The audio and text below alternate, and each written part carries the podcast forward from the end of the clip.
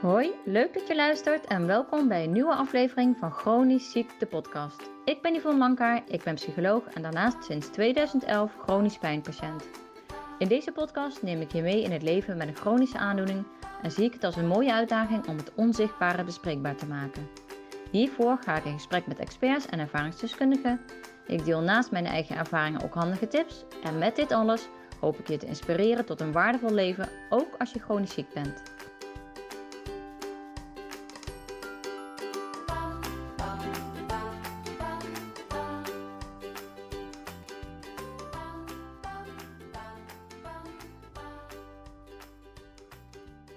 Ja, heel fijn dat je er weer bent. Want we zitten nog even in het thema chronisch ziek en werk. En voor de aflevering van vandaag ging ik in gesprek met Robert Jansen, onder andere oprichter van Centrum Chronisch Ziek en Werk.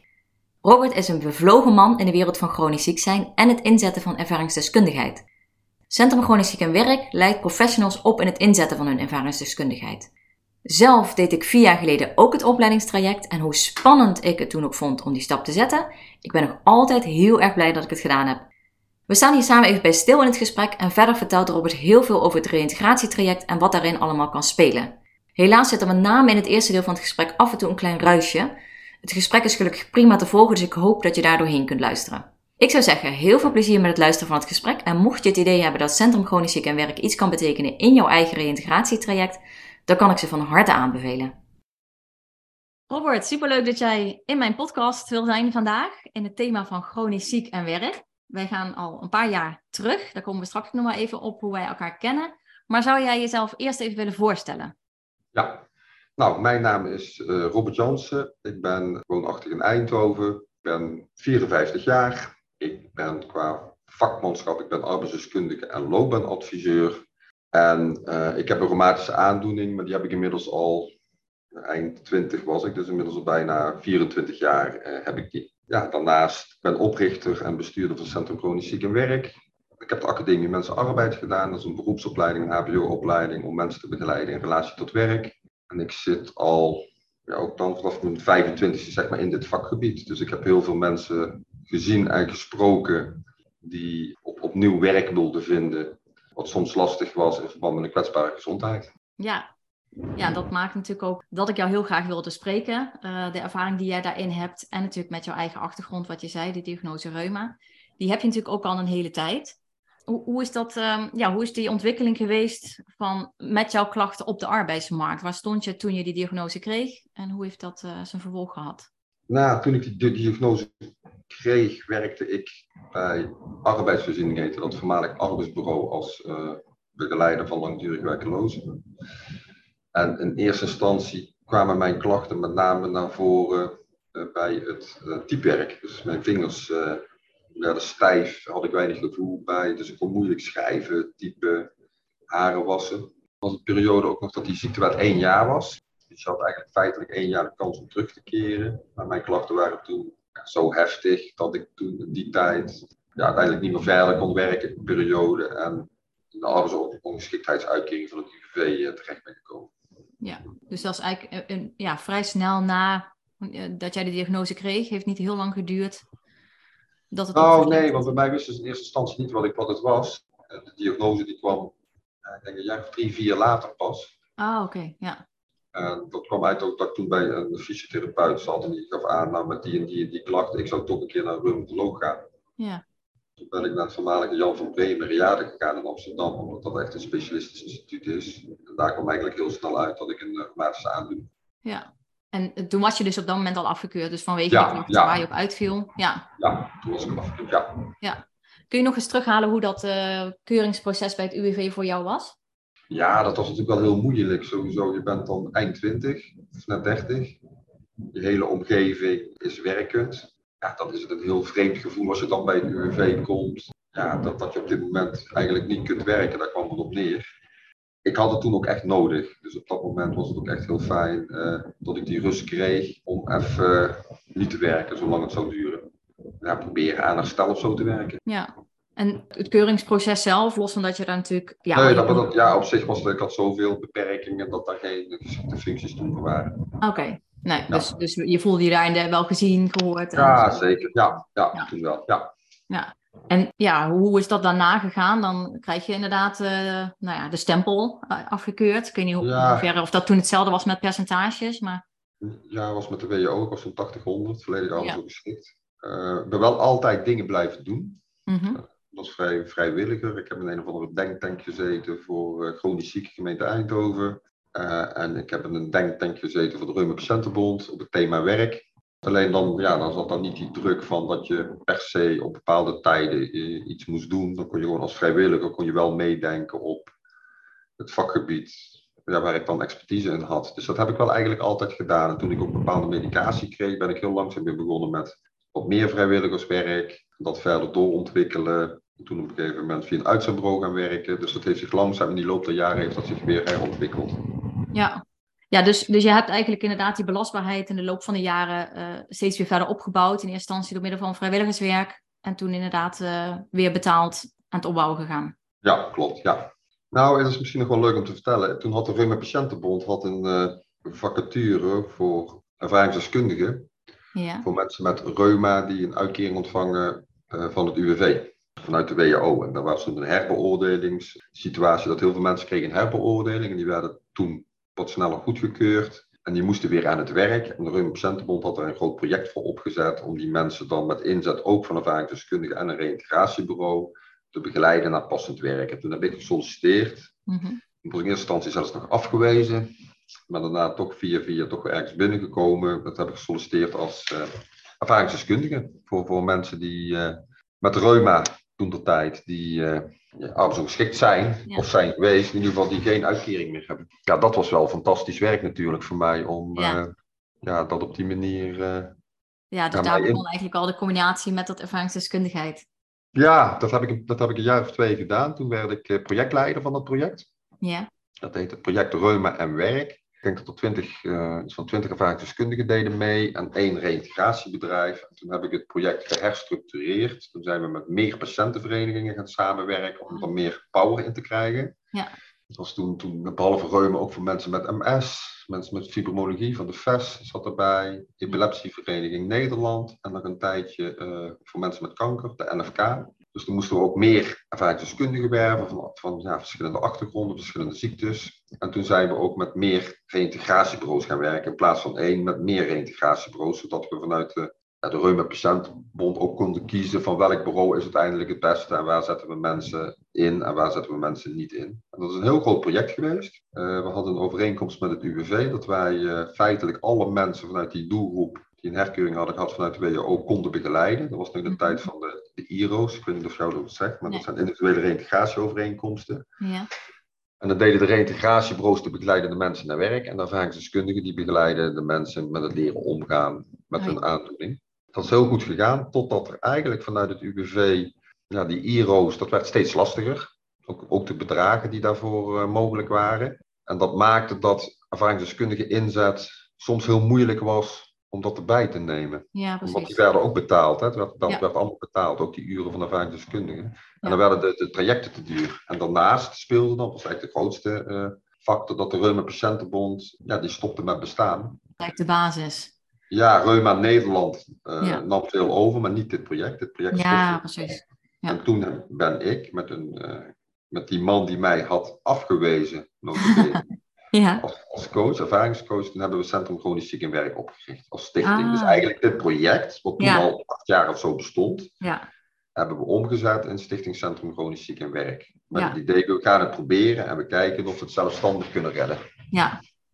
En was dat toen jouw, uh, ja, jouw hoofdwerk, zeg maar? Of de, uh, zat daarnaast ook nog ander werk op dat moment? Uh, ja, op dat moment was dat wel mijn hoofdwerk. Ja. En we wilden het wel anders doen. Wat we nu wilden, uh, was eigenlijk het idee daarachter, kunnen we het niet combineren, dat ervaringsdeskundigen ook die reïntegratiebegeleiding op zich kunnen nemen. Oh ja. Dus dat je niet meer afhankelijk bent van een reïntegratiebureau, maar dat je ervaringsdeskundigen hebt, mensen die zelf ook die ziekte hebben, maar die ook vanuit het vakmanschap mensen kunnen begeleiden in relatie naar werk. Ja. En dat is eigenlijk vanaf toen onze insteek geweest. Ja, precies. Want, want kun je eens inderdaad uh, nog even wat globaal vertellen wat Centrum Chronisch Ziek en Werk doet en waar het voor staat? Ja, nou ja, Centrum Chronisch Ziek en Werk heeft eigenlijk twee onderdelen. Eén is wij leiden mensen op tot ervaringsdeskundig professional. Dat is gericht voor ja, mensen die dus een kwetsbare gezondheid hebben. Maakt feitelijk nog niet zoveel uit wat je, wat je hebt. Als je maar een kwetsbare gezondheid hebt die echt pittig is. Dus het moet echt wel betekend hebben in je leven. Uh, maar dat kunnen ook psychische klachten zijn. Het hoeven niet alleen maar fysieke of chronische aandoeningen te zijn. Mhm. En ze moeten ervaring hebben in het begeleiden van mensen. Zeg maar sociaal professional moeten ze zijn als, als vak. Ja. En wij leren ze in een, in een uh, leergang op post-HBO-niveau binnen acht maanden om die ervaringsdeskundigheid te ontwikkelen. Dat hebben we nou tien jaar gedaan, eigenlijk vanaf de start. Is dat, zeker in het begin was dat onze core business. En van de start doen we dat nu al tien jaar. En we hebben inmiddels meer dan 200 mensen daarvoor opgeleid. Ja. En het andere onderdeel is dat wij ook mensen eh, begeleiden die uitvallen in werk of preventief, die dreigen uitvallen, naar of passend werk of naar hoe kun je beter leren omgaan met je ziekte. Dus dat doen we ook eigenlijk twee onderdelen, hè? de begeleiding en de opleiding. Ja. Ja. En alles met inzet van ervaringsdeskundigheid. Ja. Ja, precies. Want dat, eh, ja, daar, daar kennen wij dus inderdaad elkaar van. Ik heb eh, natuurlijk, eh, nou, ik denk vijf, vier jaar geleden de opleiding bij jullie ook gedaan. En het is misschien wel leuk om te vertellen dat jij mij daarin ook echt inderdaad geïnspireerd hebt en over de streep getrokken hebt om mijn ja, ervaringsdeskundigheid te laten zien en daarvoor te gaan staan. Dat ik echt wel Wat vond jij lastig toen nog? Misschien is dat interessant voor de luisteraars. Ja, vanuit, het, vanuit de zorg wordt, is er toch een soort van beeld dat je eh, vrij zakelijk houdt in het, in het contact met de patiënt of cliënt. Dat je je eigen stuk daarin eh, nou ja, niet, niet deelt, dat dat niet door elkaar heen mag lopen. Dus, dus daar struggelde ik wel mee, van oké, ben ik dan nog wel professioneel genoeg? En het stuk een stukje kwetsbaarheid dat je eh, laat zien en wat je naar buiten brengt. En daar kan natuurlijk een oordeel over zijn. En ja, dat, dat waren wel de twee belangrijkste dingen die denk ik eh, voor mij speelden van ga ik dat doen of niet? ja, je hebt mij daar in geïnspireerd en in ieder geval zeker ook op dat moment aan het denken gezet van, eh, ja, goh, waarom eigenlijk niet? En ja, wat heb ik dan te verbergen? Ehm, kan ik dat niet inderdaad juist eh, gebruiken en inzetten? Ja, want jij hebt dan een psychologenachtergrond. Ja. Ook mensen die hebben een achtergrond van loopbaanadviseurs, reïntegratieadviseurs, maatschappelijk werkers, verpleegkundigen hebben eh, vaak meegedaan, maar ook ergotherapeuten, fysiotherapeuten, hogeschooldocenten, case managers zijn ook steeds meer de laatste periode, arbeidsdeskundigen, dus zeg maar echt die sociaal professionals groep. Ja. Die, en, en, ik weet uit ervaring, maar bij psychologen is het vaak de uitdaging om eh, misschien nog wel het meest om die ervaringsdeskundigheid hè, naast je vakmanschap te mogen inzetten. Want Ja, waarschijnlijk heb je precies. geleerd om dat niet te doen. Ja, ja precies. Ja, dat, dat was inderdaad voor mij inderdaad wel de uitdaging. Maar ik ben heel blij dat ik ja, dat, dat toen toch gedaan heb. En, eh, en ja, ik vind het super mooi ook hoe jullie dat doen. Ja, ook hoe normaal jullie dat brengen. En dat is denk ik wel een hele grote aanwinst voor het, ehm, ja, voor het hele vakgebied breed. Dat, dat dat zo gebracht wordt. Van, dat het niks, eh, eigenlijk zou het gewoon veel normaler moeten zijn. En zo normaal is het bij jullie wel. En dat vind ik wel heel mooi. Ja, nou ja, en je, wij merken natuurlijk ook dat ehm, de mensen die wij begeleiden, hè, als jij ziek uitvalt in werk, of je dreigt ziek uit te vallen, of je zoekt weer werk, maar je bent ziek, wat voor manier dan ook, hè, PTSS of een burn-out of een depressie of reuma, MS, kanker, amputaties, brandwonden, alles komt bij ons voorbij. Mhm. Dan is het wel heel fijn om met iemand te praten die weet waar het over gaat, hè, die jou echt kan begeleiden in jouw keuzes, maar die ook weet uit ervaring wat het betekent Ja. om uit te vallen en om te struggelen met bepaalde levensthema's die door ziekte ja, op dit moment heel lastig zijn. Ja. ja, want eh, je noemde net al even, het zijn twee, eh, twee takken. Ja. Zou je dus wat, wat meer kunnen vertellen over het eh, reïntegratiestuk? Wat, wat jullie daarin doen, wat jullie daarin zien, wat voor struggles? En, Ja, nou ja, wij worden benaderd door of werknemers of door arbeidsdeskundigen of HR-managers of leidinggevenden. Of wij eh, mensen willen begeleiden die, die uit zijn gevallen of dreigen uit te vallen in werk. Ja, en dat zijn dan mensen die wat meer in de start zitten van hun ziekte. mhm. En waarbij alles op ze afkomt. Want het is nogal wat als jij, en dat vergeten heel veel mensen, dat als jij uitvalt in werk of dreigt uit te vallen in werk, wat er bij je op je afkomt. Want je hebt te maken met waarschijnlijk een diagnose die nog niet helemaal klaar is. Ofwel, maar heel vaak ook niet. Dus je, je zit echt in de medische molen, want je bent startend ziek. Je krijgt te maken met misschien werkverlies, onzekerheid. Te maken met collega's, begrijpen die het wel of niet. Met een leidinggevende of meerdere leidinggevenden, komt ook heel vaak tegen. Waar je Mhm. steeds opnieuw ja, je- je plekje bij moet veroveren. Je krijgt te maken met een bedrijfsarts die er wat van mag vinden. Je krijgt te maken met een arbeidsdeskundige, want die gaat zeggen wat je belastbaarheid wel en niet is. Je krijgt te maken met misschien een reïntegratiebureau, een begeleiding naar werk, zoals wij zijn. Die vinden ook weer van alles. De medische wereld, die gaan jou onderzoeken, medicatie, maar ook privé. Vergeten ook heel veel mensen. Privé komt er heel veel op je af. Kan je partner het begrijpen? Hoe gaat het met de kinderen? Kun je die verzorging nog wel doen? Dus er komen zoveel balletjes, moet je omhoog houden. En dan is het wel heel fijn als, als, als wij dat vanuit ervaring samen met jou kunnen doen, om daar ook een stukje helderheid in te geven. Ja, stukje voorbereiding ook misschien op wat er allemaal komt en dat het no ook normaal is dat het erbij hoort. Ja, er zijn zoveel balletjes die je omhoog moet houden. Er komt zoveel op je af. Het is niet alleen het werk, maar al die andere balletjes ook. Ja. Ook in het persoonlijke, wat ik aangaf, collega's, bedrijfsarts, leidinggevende, privé, vriendinnen, vrienden, partner, kinderen. Ja, dat, dat, dat, daar heb je wel een stukje vaak ondersteuning bij nodig. Ja, ja het is inderdaad wat je zegt veel groter dan dat je aan de buitenkant uh, ziet en beseft. ja. En als je dan eens op, op de inhoud inderdaad ingaat, uh, want heel vaak is dat natuurlijk wel gesplitst. Dat maakt denk ik zo waardevol dat, dat op het moment dat je als ervaringsdeskundige het, uh, de begeleiding doet, dat je dat stuk erbij kan nemen, denk ik. Dat je veel sneller benoemt van, goh, maar hoe gaat het thuis? Wetende dat daar ja. ook een heel heleboel impact zit. Nou, wat, wat, wat, wat, wat ik vaak ook wel een voordeel vind, is van hè, de ervaringscoaches die, die, die Centrum Politiek en Werk kan inzetten, is dat um, ja, wij proberen ook echt wel te kijken met, met werkervaringsplekken. Om mensen te laten ervaren wat het betekent, als dat zo moet zijn, hè, om ander werk te doen. Om mhm. ander werk te vinden. En dan te ondervinden van wat doet dit ander werk nu met jouw belastbaarheid of met jouw beperkingen en mogelijkheden. Dus dat, dat, dat zetten we heel veel in. Ja. We zetten ook natuurlijk in als terugkeer naar eigen werk of naar passend werk. En dat doen wij precies hetzelfde zeg maar, als alle anderen reïntegratiebureaus. Wij ontzorgen ook die werkgever. Hè. Die werkgever wordt ook ontzorgd in dat begeleidingstraject. Eh, eerste spoor terugkeer naar eigen werk. Ja. Tweede spoor is werk vinden buiten je eigen werkgever. En daar ontzorgen we ook die werkgever voor. Dus we zijn wel niet alleen ervaringsdeskundigen, we zijn loopbaan, reïntegratie, ja, arbeidsdeskundigen, die al die facetten bij elkaar nemen. Ja, en als je dan eens kijkt naar de, de, de belangrijkste struikelblokken, mensen die net uitvallen, ja, dus eigenlijk inderdaad spoor 1 nog. Wat, wat zijn dan de, de, dingen, de belangrijkste dingen die mensen te leren hebben of die mensen te ontwikkelen? Nou ja, als mensen uitvallen in spoor 1 nog, dan zit je met name ook nog in die, uh, echt in die startende fase. Want het betekent feitelijk dat iemand net nog, niet, nog geen jaar uh, ziek is. Of ja. is misschien wel langer ziek, maar nog niet, niet één jaar verzuimd heeft. Nee, Binnen, dat is het eerste ziektejaar. En meestal zijn mensen dan in die startende ziektefase en echt heel erg ook zoekende naar ja, wat heb ik? Wat zijn de mogelijkheden? Is er medicatie? Kan ik therapieën volgen? Misschien een revalidatiecentrum is passend, hè? dat je daar heel intensief mee bezig bent. Mm -hmm.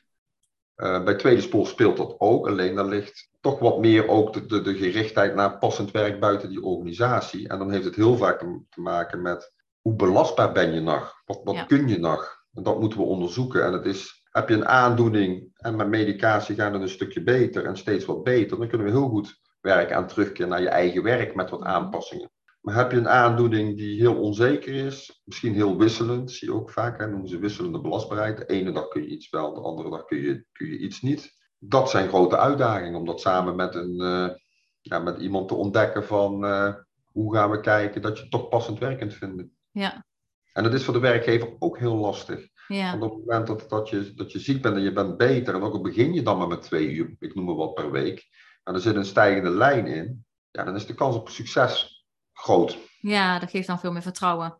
Ja, maar ben je een, een, een jaar ziek en je werkt drie weken, je valt voor vier weken uit, en je Ja. werkt voor twee weken, je valt voor drie weken uit, ja, dat is voor iedereen heel lastig. Ja, En dat zie je bij heel veel chronische ziekten, dat ze wel wisselend belastbaar zijn. ja, precies. Ja, zit daar dan ook nog een stukje leerproces dat, dat ze in die twee of die drie weken dat ze werken ook veel te veel van zichzelf geven? Ja, vaak ook. Ja. Daarom willen we ze daar ook natuurlijk goed bij begeleiden. Ja. Dat, en dat moet natuurlijk ook niet zo zijn, dat zien we ook heel vaak, dat mensen werken en dan zo hard werken dat ze alle tijd, als ze thuis Ja. zijn, nodig hebben om te herstellen. Dus vanaf vijf uur tot de dag daarna eh, zijn ze te moe om nog wat te doen. En in het weekend moeten ze bijtanken. Ja. Dat is ook niet vol te houden. Dat is, dan is de balans ook niet goed. Dan is het wachten op een volgende uitval. Ja, precies, precies. En dat is dan inderdaad wat je probeert in kaart te brengen met, eh, met de mensen van hey, hoe ziet jouw week eruit? Wat kun je daarnaast nog? Dus echt die ook hè, belastbaarheid. analyseren functies. Ja, Wat betekent dat in het kader van wat je wel en niet kunt? Moet je daar heel veel bij zitten? Moet je reizen? Moet je daar ook heel veel bij nadenken? Concentreren? Is het fysiek werk? Ja. Wat voor fysiek werk? Moet je zitten? Kun je wel zitten? Mag je thuis werken? Dat is trouwens een hele belangrijke, of je thuis mag Ja. werken. Dus dat brengen we ook echt op functieniveau in kaart. Ja. Van, ehm, ja, het is echt een koppeling, ervaringsdeskundigheid in relatie naar werk. Dus dat werkthema is heel belangrijk. ja precies. Ja, ja. Ja, daar, Dus daar niet zit alleen, op. niet Dat alleen ziektebegeleiding, juist niet. Het is juist ook echt dat werkthema zit erbij. Ja, ja, ja. En als je nou naar spoor 1 en 2 kijkt, als je zou moeten kiezen, waar, in welk spoor kun je, kun je het meest betekenen, denk je? natuurlijk is dat per persoon verschillend, maar als je voor jezelf zou moeten kiezen? Ja, misschien, misschien al in spoor 1, dat we er vroeg bij zijn, want dan hebben we de meeste winst te behalen. Dus op het moment dat iemand nog niet, we, hebben, zien natuurlijk heel veel aanmeldingen komen bij ons na één ziektejaar. En dan krijg je iemand, hè, dan gaan ze alles in kaart brengen en dan krijg je een, een, een noemen ze een inzetbaarheidsprofiel van de bedrijfsarts. En dan komt een arbeidsdeskundige kijken. Kun je naar eigen werk of kunnen we je werk aanpassen? Is er intern nog ander werk of moet je naar buiten toe? Als we net voor die fase zitten, dan kun je, dan kun je iemand echt al goed helpen ja, om te hopen hè, dat het niet zo ver komt dat je zo'n tweede sporttraject in moet gaan. Ja. Ja, ik kan me zo voorstellen dat er bij Sport 2 uh, ook gewoon meer druk op zit. Dus dat je meer tijdsdruk hebt. Dat er gewoon, en dat, heeft natuurlijk altijd zijn weerslag op de persoon in kwestie. Ja. En, en stel dat iemand nu zit te luisteren uh, in zijn eerste ziektejaar, maar niet zo'n goede begeleiding uh, naast zich heeft staan. Wat zou zo iemand zo kunnen, kunnen doen? Nou, ik zou het gesprek aangaan of met een leidinggevende waar je de meeste klik mee hebt, of met een HR, hè, personeel- en organisatiefunctionaris of een case manager zijn, of een bedrijfsarts. En dat wel op tijd aankaarten. Want het is jouw toekomst, en het is jouw werk en het is jouw gezondheid. Ja, dan moet je proberen assertief in te zijn om daar de juiste mensen voor in te schakelen. Ja, dus eigenlijk aan de bel trekken en een stukje verantwoordelijkheid voor jezelf nemen. Van hé, hey, ik, ik wil hier begeleiding bij. En, uh... Kijk, en een bedrijf heeft hè, geheimhoudingsplicht met ziekte. En, en, en een werkgever is er ook bij gebaat mhm. dat jij terug kunt keren in werk. Want het kost ook gewoon heel veel geld als je ziek bent dus ja, wij, ik merk toch wel dat, dat, dat veel ja, werkgevers en bedrijven ze ook wel, wel willend zijn en arbeidsdeskundigen ook om ja, ons daarvoor in te schakelen. Maar ja, je moet het wel kunnen ja, aangeven dan intern. Ja. ja, precies, precies. En ik ben wel benieuwd hoe je dat aanpakt op het moment dat iemand in een uh, tweede ziektejaar zit. Er geen zicht is op, dus inderdaad op terugkeer eigen werk, maar eigenlijk geen idee heeft wat dan. Hoe, hoe, hoe zou je dat aanpakken? Nou, wij, uh, even qua achtergrond, we hebben natuurlijk ook echt loopbaanadviseurs, ervaringsdeskundige loopbaanadviseurs, mm dat is ook een vakgebied. Ja, we maken altijd een persoonsprofiel van waar liggen je sterke kanten, zwakke kanten, waar, wat zijn je goede competenties, waar liggen je interessegebieden. Want ja, er zijn zoveel bedrijven, maar ook zoveel functies en, en, en beroepen, dat als jij een hele periode voor een bedrijf hebt gewerkt, een bepaalde baan, heb je meestal totaal geen idee wat er nog meer is wij merken dan als we met dat traject, en dat is dan het loopbaantraject onderdeel binnen ons programma, als we daarmee aan de slag gaan, biedt dat vaak ook weer hele nieuwe, uh, mooie perspectieven. Mensen komen moeilijk aan aan personeel. Het kan een voordeel zijn dat ze nou toch wat sneller openstaan, ook voor mensen met een uh, kwetsbare gezondheid. Ja. Ja, want merk je dat, dat daar in de afgelopen jaren, of misschien nog wel iets langer terug, misschien is die, is dat, die beweging al wel een beetje in gang gezet, dat daar meer ruimte voor is, maar dat het moeilijk was met die kwetsbare gezondheid om dan een andere baan te vinden? Ja, wel die mensen, vaak wel mensen die bij ons komen. Het lukt vaak wel, en als het niet lukt, dan krijgen mensen vaak een arbeidsongeschiktheidsuitkering. En dan ben je mhm. vaak ook zo ziek dat je dat, ja. niet, dat, dat werken heel moeilijk is. Ja. En bij ons komen toch de wat zwaardere uh, kandidaten, met, met zware angststoornissen of, of met zware reumatische of MS-klachten of kanker of noem maar op. En we zien daar wel toch wel een positieve ontwikkeling. Al blijft de doelgroep mensen met een chronische ziekte de groep die het moeilijkste aan de bak komt. Ja? Ja. Meer dan uh, psychische klachten? Nee, ja, nee, ook kwetsbare gezondheid algemeen. Ja. Oh, het algemeen. Ja, precies. Ja, Maar meer dan zeg maar mensen, alle andere doelgroepen feitelijk die er zijn. Ja. Is dit de groep die het moeilijkste is, uh, waar werkgevers het meest huiverig voor zijn om die aan te nemen? Ja, en dat zit hem dan waarschijnlijk me het meest in, in de onzekerheid van uitval en wat kan iemand aan? Ja, vaak wel onzekerheid, wisselende belastbaarheid, energieverlies, veel functies zijn helaas toch nog fulltime. Mensen kunnen misschien wel makkelijk 20 uur werken, maar geen 40 uur. En uh, dan kiest men toch sneller voor gezond iemand die 40 uur kan werken dan voor twee mensen die 20 uur werken. In de periode van corona merkten wij dat heel veel werkgevers uh, uiteraard open stonden dat mensen thuis konden werken. Dat was voor heel veel chronisch zieken was dat ideaal. Want dan konden ze veel meer spelen met, hey, ik ben nu moe, ik ga even liggen op een bank en, en nou gaat het weer en ik, nou ga ik het werk wel doen. Of ik werk een keer wat langer door, want nou voel ik me goed en morgen voel ik me minder goed. Dus ik doe dat wat minder. Dus thuiswerken kan daar ja, ook een groot voordeel van zijn. Maar ja, niet, en niet in elk vakgebied kan dat. Want als jij op de bouw staat, kun je natuurlijk niet uit nee. Nee. nee. nee, dus en is, is dat een van de belangrijkste pijlers eigenlijk? Ja, dat, dat stukje regie nemen in uh, afwisselen van taken, van houdingen, de flexibiliteit in je baan zoeken? Nou ja, het, zeg maar voor de hoger opgeleiden die thuis kunnen werken en met kennis werken, kan dat wel. Maar zeg maar, sta je in een winkel of werk je op de bouw, zeg maar de meer praktische beroepen, is het wel echt lastiger. Want dan kun je, ja, kun je regie nemen wat je wil, maar ja, dat blijft allemaal heel moeilijk. Ja. Ja. Dus die, Ja, die kijken ook altijd, als zit daar, dan, dan proberen we toch te kijken of er een stukje scholing mogelijk is. Mhm. Dat we iemand echt kunnen scholen naar ander werk waarbij dat meer mogelijk is. Ja, precies. Oh ja, ja. Ja, dus dan, zit, dan is dat eerder de stap die je zou zetten wanneer dat mogelijk is, dan dat je echt gaat kijken van nou, wat is er nou op die werkvloer mogelijk, Eh, even een andere ruimte, iets anders doen. Of, Nee, dat, is, dat blijkt in de ook. praktijk toch lastiger. Een eerste spoor is altijd leidend. Dus, dus Ja, we precies. proberen altijd te kijken of iemand kan blijven bij zijn eigen werkgever met aanpassingen. Ja. Maar heel vaak komen mensen bij ons, niet in dat eerste ziektejaar, helaas. We adviseren werkgevers doen het wel, maar in dat tweede ziektejaar. En dan is vaak zo'n eerste spoortraject intern al zeg maar voor 90% uitgekaart dat dat niet mogelijk is. Ja. En soms Ja. kunnen we het allebei doen. Hè? Doen we tweede en eerste spoor tegelijk. Kijken we intern, blijven we in de gaten houden. Dan heb je een klein bedrijf. Kijk, werk je in de winkel, eh, werk je in de drogisterij en je hebt eh, MS of epilepsie of zware reuma. En daar hebben ze twee functies, één Ja. filiaalmanager en één verkoper. Ja. Dan is het natuurlijk ook niet zoveel. Nee. En werk je bij een heel groot bedrijf met 10.000 werknemers, met heel veel functies, dan kan de intern natuurlijk ook veel meer. Ja, ja, zeker. En, en, en ja, je hebt natuurlijk twee takken in, in Centrum Chronisch Ziek en Werk. Als ik je voor het blok zou zetten en je zou moeten kiezen, welke tak zou je dan kiezen? Welke vind je het leukst of wat brengt je het meest? Oh, dat vind ik lastig. nee, ja, ik vind het alle twee eh, super, super mooi. Kijk, het is heel fijn om met mensen te werken die opgeleid willen worden tot ervaringsdeskundig professional. Hè, die een vak, vakmanschap beheersen en daarnaast hun ervaringsdeskundigheid willen leren inzetten. Maar die begeleiding is ook heel mooi. En nou, ik, ik vind het wel heel, daar kan ik denk ik niet, niet eh, kiezen. Nee. Nee, Misschien nog goed om te vermelden dat, ik ook, dat we ook bezig zijn om te kijken of we voor mensen van het UWV de, de begeleiding naar werk kunnen oppakken. oh ja, ja, ja precies. Ja. Ja. Wat dat betreft zit er natuurlijk ook zoveel ruimte voor creativiteit en, en, en zeker in, die, in de opleidingstak natuurlijk. Ja, En de andere tak raakt misschien meer aan eh, hoe je opgeleid bent en de ervaring die je hebt. En eh, ja. dat, dan zit je natuurlijk veel meer eh, naast de mensen en in de praktijk. dus ik kan me voorstellen dat allebei gewoon superleuke onderdelen Allebei zijn. heel leuk om te doen, want je Ja. hebt met, met de training ook zijn super enthousiaste deelnemers van de training. Ja. En ja, wat ik zeg, zijn er al 200 geweest. En dat, ja, dat is natuurlijk heel fijn mensen die, die, die leergang volgen. En mensen zijn eh, ja, of in loondienst, werken bijvoorbeeld als case manager verzuim, of HR-manager of verpleegkundige.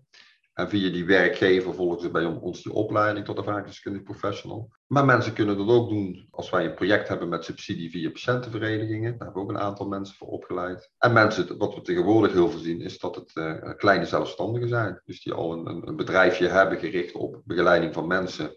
Zelf ook ziek zijn en zich willen profileren en concentreren op ja, mensen met een chronische ziekte of kwetsbare gezondheid. Ja, ja want dat, dat stuk ervaringsdeskundigheid, dat, dat neem jij natuurlijk zelf dus ook mee. Zou je eens dat voorbeeld kunnen noemen hoe jij dat toepast in, het, nou, in, de, werktak, zeg maar, in de reintegratietak? Eigenlijk is dat op het moment, dat is wat, wat de mensen proberen te leren, dat op momenten dat het ehm, echt toe doet, dat jij je ervaringsdeskundigheid inzet, dat je het dan laat zien. Niet vanuit, ik ga heel veel over mezelf vertellen, want daar kun je van leren. Nee, meer juist dat het op die kleine momenten, dat mensen vaak zelf aangeven, hoe was dat bij jou Ja, trouwens? Ik ben wel nieuwsgierig, hoe is dat Ja. eigenlijk bij jou gegaan? Want jij zat toch ook in die ziektewet, of jij, eh, jij kon toch ook niet terug naar die baan. Hoe ging dat bij jou? Dat je dan, nou, op, op die momenten vertel je er vaak wat meer, meer over. En mensen voelen zich vaak heel snel begrepen. Ja. Want je weet meteen wat ze bedoelen. Want je hebt het, zelf, je hebt het niet, uit- ik zeg altijd, je hebt het niet uit een boekje geleerd. ja, Mensen die chronisch ziek zijn, dat betekent. En het is geen businessmodel, hè, wat je tegenwoordig nog wel eens ziet. Hè, zeker op het gebied van ervaringsdeskundigheid. Tientallen eh, opleidingen eh, worden nu uit de grond gestampt, want het is Mhm. een nieuwe business. Nee, het is echt vanuit passie en ervaring en ervaringsdeskundigheid. En je hebt het zelf doorleefd en meegemaakt. En daar met anderen over gesproken en intervisie over gehad. Dat je voelt en weet wanneer zet ik het in en wanneer zet ik het niet in. En het mooie vind ik ook nog van dit, ja, van ervaringsdeskundigheid. Je leert ook steeds van alle cliënten. ja, Want je leert van elkaar. Want zelf heb je ook niet de wijsheid in pacht. Je leert ook van, van de cliënt zelf. ja. Ja, dat vind ik ook, dat, je soms, dat soms cliënten ook bepaalde dingen kunnen verwoorden of bepaalde voorbeelden kunnen geven, dat je denkt, jeetje, dat heb je inderdaad echt zo goed onder woord gebracht. Dat is eigenlijk Ja. ook aan mijn kant ook zo herkenbaar. Ja. Ja. Want als iemand daar op, op, een bepaalde manier mee omgaat of ontdekt heeft, denk je, hé, hey, hartstikke goed, wat interessant. En dat neem je Ja. ook wel mee als je een andere, iemand anders begeleidt. Ja. Je noemde straks al even, tenminste toen jij zei van hè, hoe jouw pad gelopen heeft van na het, eh, het afkeuringsproces. Van ja, ik ben ook weer aan de, aan de gang gegaan, eerst instantie met vrijwilligerswerk. Maar het zit er ook niet heel in dat je dan eh, stil blijft zitten en dat je toch eh, zoekt naar, naar iets anders. Nou is dat ook een belangrijk onderdeel ook van de themaweek eh, die, die gaat komen, chronisch ziek en werk. Hoe, hoe is dat stukje zingeving eh, bij jou inderdaad? Zou jij je een leven kunnen voorstellen zonder werk? Ja, ja, ik denk het wel. Ja, voor mij hangt mijn identiteit niet samen met werk. Nee, ik denk dat je ehm, je identiteit kun je ook halen door ja, misschien dan wel als vrijwilliger heel veel dingen op te pakken als je dat graag wil. Ja. Of, of door iets te betekenen in je woonomgeving. Of heel veel voor je gezin en familie en vrienden. Als mantelzorg kun je ook veel betekenen. Dus het hangt niet allemaal met betaald werk vast. Nee. Maar het is wel eh, voor, voor mensen natuurlijk ook wel heel belangrijk, want het geeft je structuur, je hoort erbij, het levert je inkomsten op, je bent onafhankelijker daardoor. Dus ja, er zitten natuurlijk heel veel onderdelen die heel belangrijk zijn Ja. om werk te vinden en te behouden.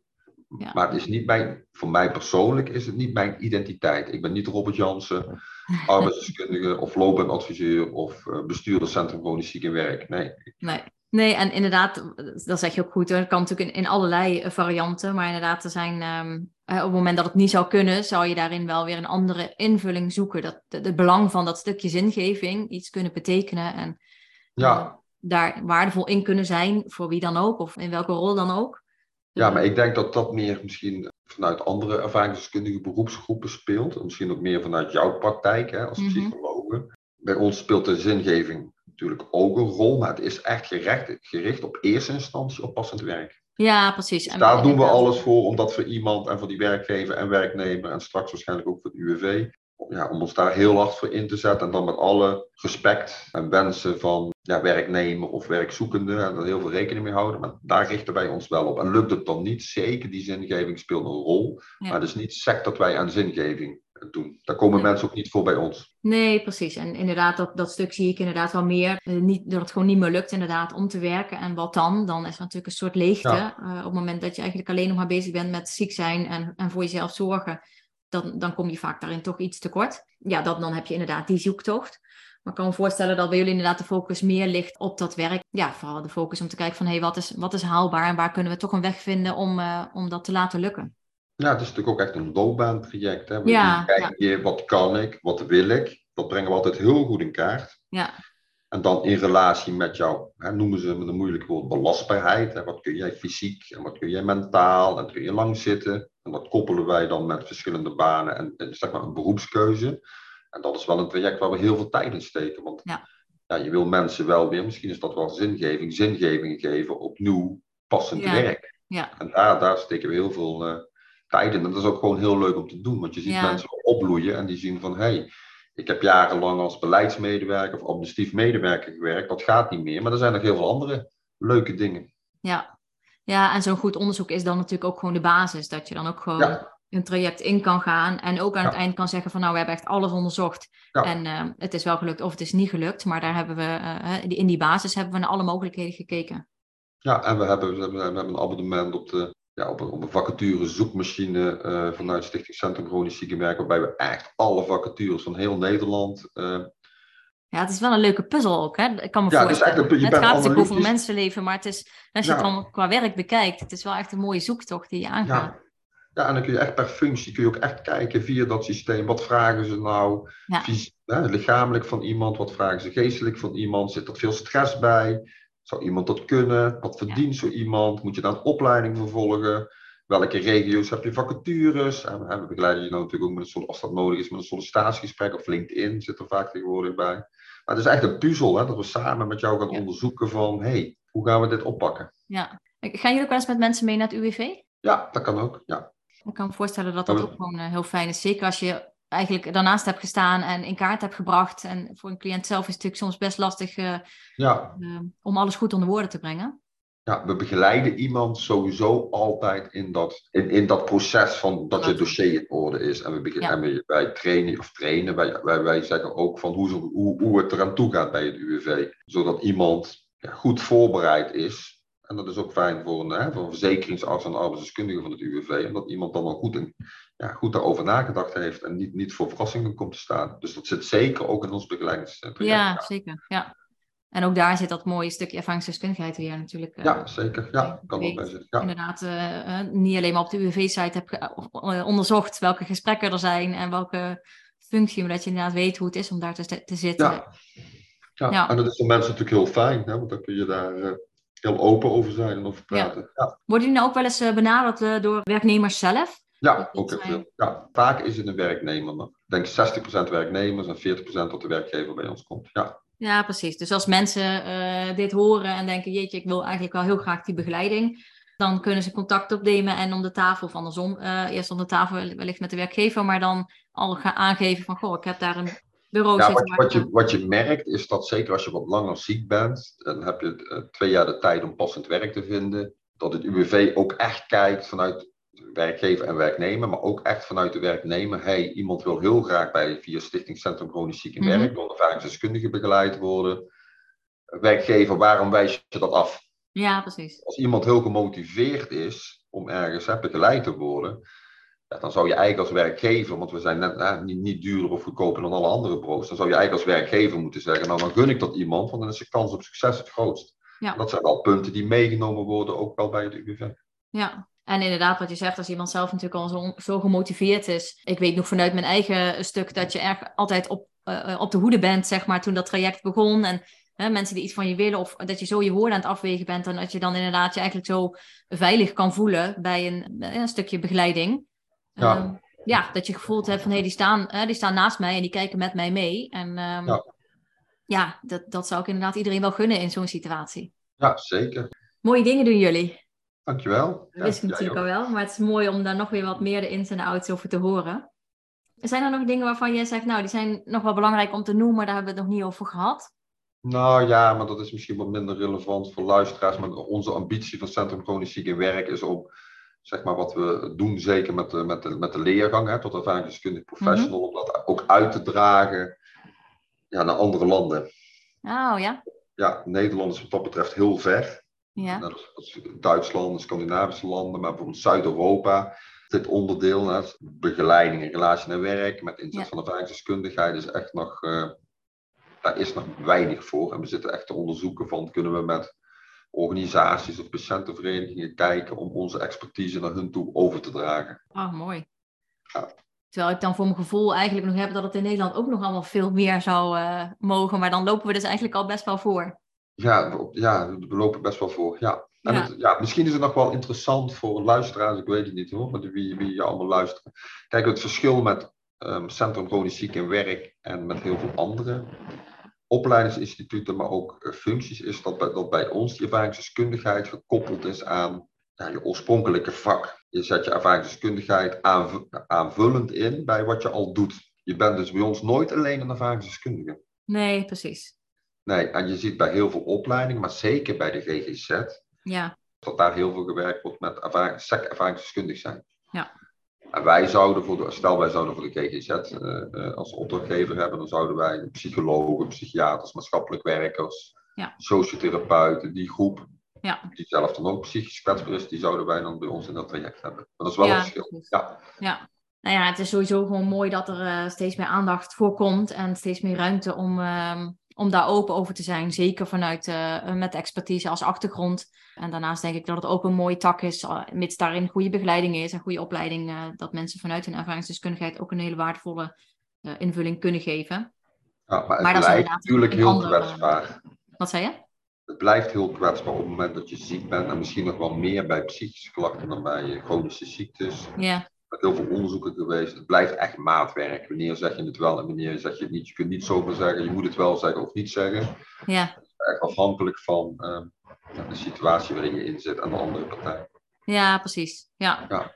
Ja, en dan heb je natuurlijk als deskundige uh, gewoon de basis, überhaupt je, al je deskundigheid, waarop op basis daarvan je iemand begeleidt. En dat is natuurlijk ja. een, uh, een verschil. Is er nog een laatste iets waarvan je zegt, nou, dit wil ik nog wel meegeven dit aan de luisteraars die ja, wellicht ook dus inderdaad in, in spoor 1, spoor 2 struggelen. Of um, nou, die, het zijn natuurlijk wellicht mensen die geïnteresseerd zijn in het stuk chronisch ziek en werk. ja, is dat nog iets waarvan je vanuit eigen ervaring of vanuit jouw werkervaring denkt van hé, hey, dit is nog wel. Ehm, nou, ik zou zeggen, kom voor jezelf op. Probeer zoveel mogelijk touwtjes. is niet makkelijk, maar het zou fijn zijn in eigen handen te houden. Uh, als jij denkt dat wij je kunnen begeleiden, neem gewoon contact met ons op. En dan bespreken wij met jou wat de mogelijkheden zijn. En schroom niet om je leidinggevende of bedrijfsarts of arbeidsdeskundige of HR-manager aan te spreken dat je meer ondersteuning nodig hebt. Want je kunt er het beste zo vroeg mogelijk bij zijn. Ja, dus niet uh, maar proberen het zelf uh, op te lossen, nog maar een keer proberen. En, uh... Nee, zoek juist die ondersteuning. En ja. misschien ook wel belangrijk is, ga ook niet minder uur werken, omdat je denkt, dan hou ik het wel vol. Ja, ja. Want op het moment dat jij van 40 uur naar 30 uur gaat werken, dan, dan hou je dat misschien een jaar vol. En dan een jaar later ben je nog zieker en dan werk je 30 uur. Maar dan krijg je uiteindelijk, mocht dat zo zijn, hè, met een uitkering ook maar ja. dat percentage van die 30 uur en niet meer van die 40 uur. Ja, dat is helaas wat ik inderdaad ook wel regelmatig hoor. En waarvan ik ook weet dat het soms inderdaad die druk is van, uh, jeetje, dan ben ik ook van het gezeur af. Of uh, mensen die ook zelf ontslag nemen, uh, die dat er niet meer trekken. En dat is inderdaad ja, ontzettend zonde. Want, ja, ja, zeker. Ja. En energieverlies is vaak een grote factor wat meespeelt. Proberen we ook altijd heel goed in kaart te brengen van hè, bij welke taken die je nou doet, kost het je veel energie en welke taken kosten je minder energie. En dat we zo proberen die energiegevers, dat je daar meer van mag doen en wat jou heel veel energie kost, om dat zoveel mogelijk eruit te laten. En dan gaan we ook het gesprek in aan met je leidinggevende of hè, met, je, met je bedrijfsarts. Ja. Dat zo te kaderen. Want bij heel veel chronisch zieken speelt dat energieverlies ook een rol. Ja, precies. Ja. Ja, mooi. En ik, ja, ik vind het een hele mooie om, eh, om te eindigen inderdaad met dat stuk van probeer de regie te pakken. Ja, en kijk wat je daarin ook nodig hebt om die regie weer te pakken. Welke gesprekken daar misschien voor nodig zijn om daar uh, moed voor te verzamelen of met iemand samen een gesprek te voeren. Ja, dat is een mooie om, uh, om inderdaad nog mee te geven. Nou, dankjewel. Ja, super bedankt voor het gesprek. Ik vond het heel waardevol. Mooi om, om inkijkje, nou ja, sowieso in wat jullie allemaal doen, maar ook nog een stapje verder in, in uh, ja, wat je allemaal doet in in de praktijk en hoe je mensen begeleidt en waar mensen aan kunnen denken. En uh, ja, heel mooi om te horen. Dankjewel. Nou, jij ook. Dankjewel voor de uitnodiging. Heel graag gedaan. ik hoop dat er veel mensen er iets aan hebben. Ja, dat denk ik wel. Dat denk ik wel. Dankjewel. Superleuk dat je weer luisterde naar een aflevering van Chronisch Ziekte Podcast. Ik hoop dat het je nieuwe inzichten en inspiratie opgeleverd heeft. Laat het me vooral weten op Instagram waar je me kunt vinden op Yvonne Psycholoog. Laat daar ook je vragen achter die ik eventueel mee kan nemen in een nieuwe aflevering. Wil jij een centje krijgen wanneer er weer een nieuwe aflevering van Chronisch Ziekte Podcast online komt? Abonneer je dan op dit kanaal op je Spotify app of op iTunes. En ik zou het echt super tof vinden wanneer je hier een review achter wil laten. Daarmee help je mij meer mensen te bereiken en daar word ik dan weer heel blij van. Tot de volgende aflevering en nog een hele mooie dag gewenst.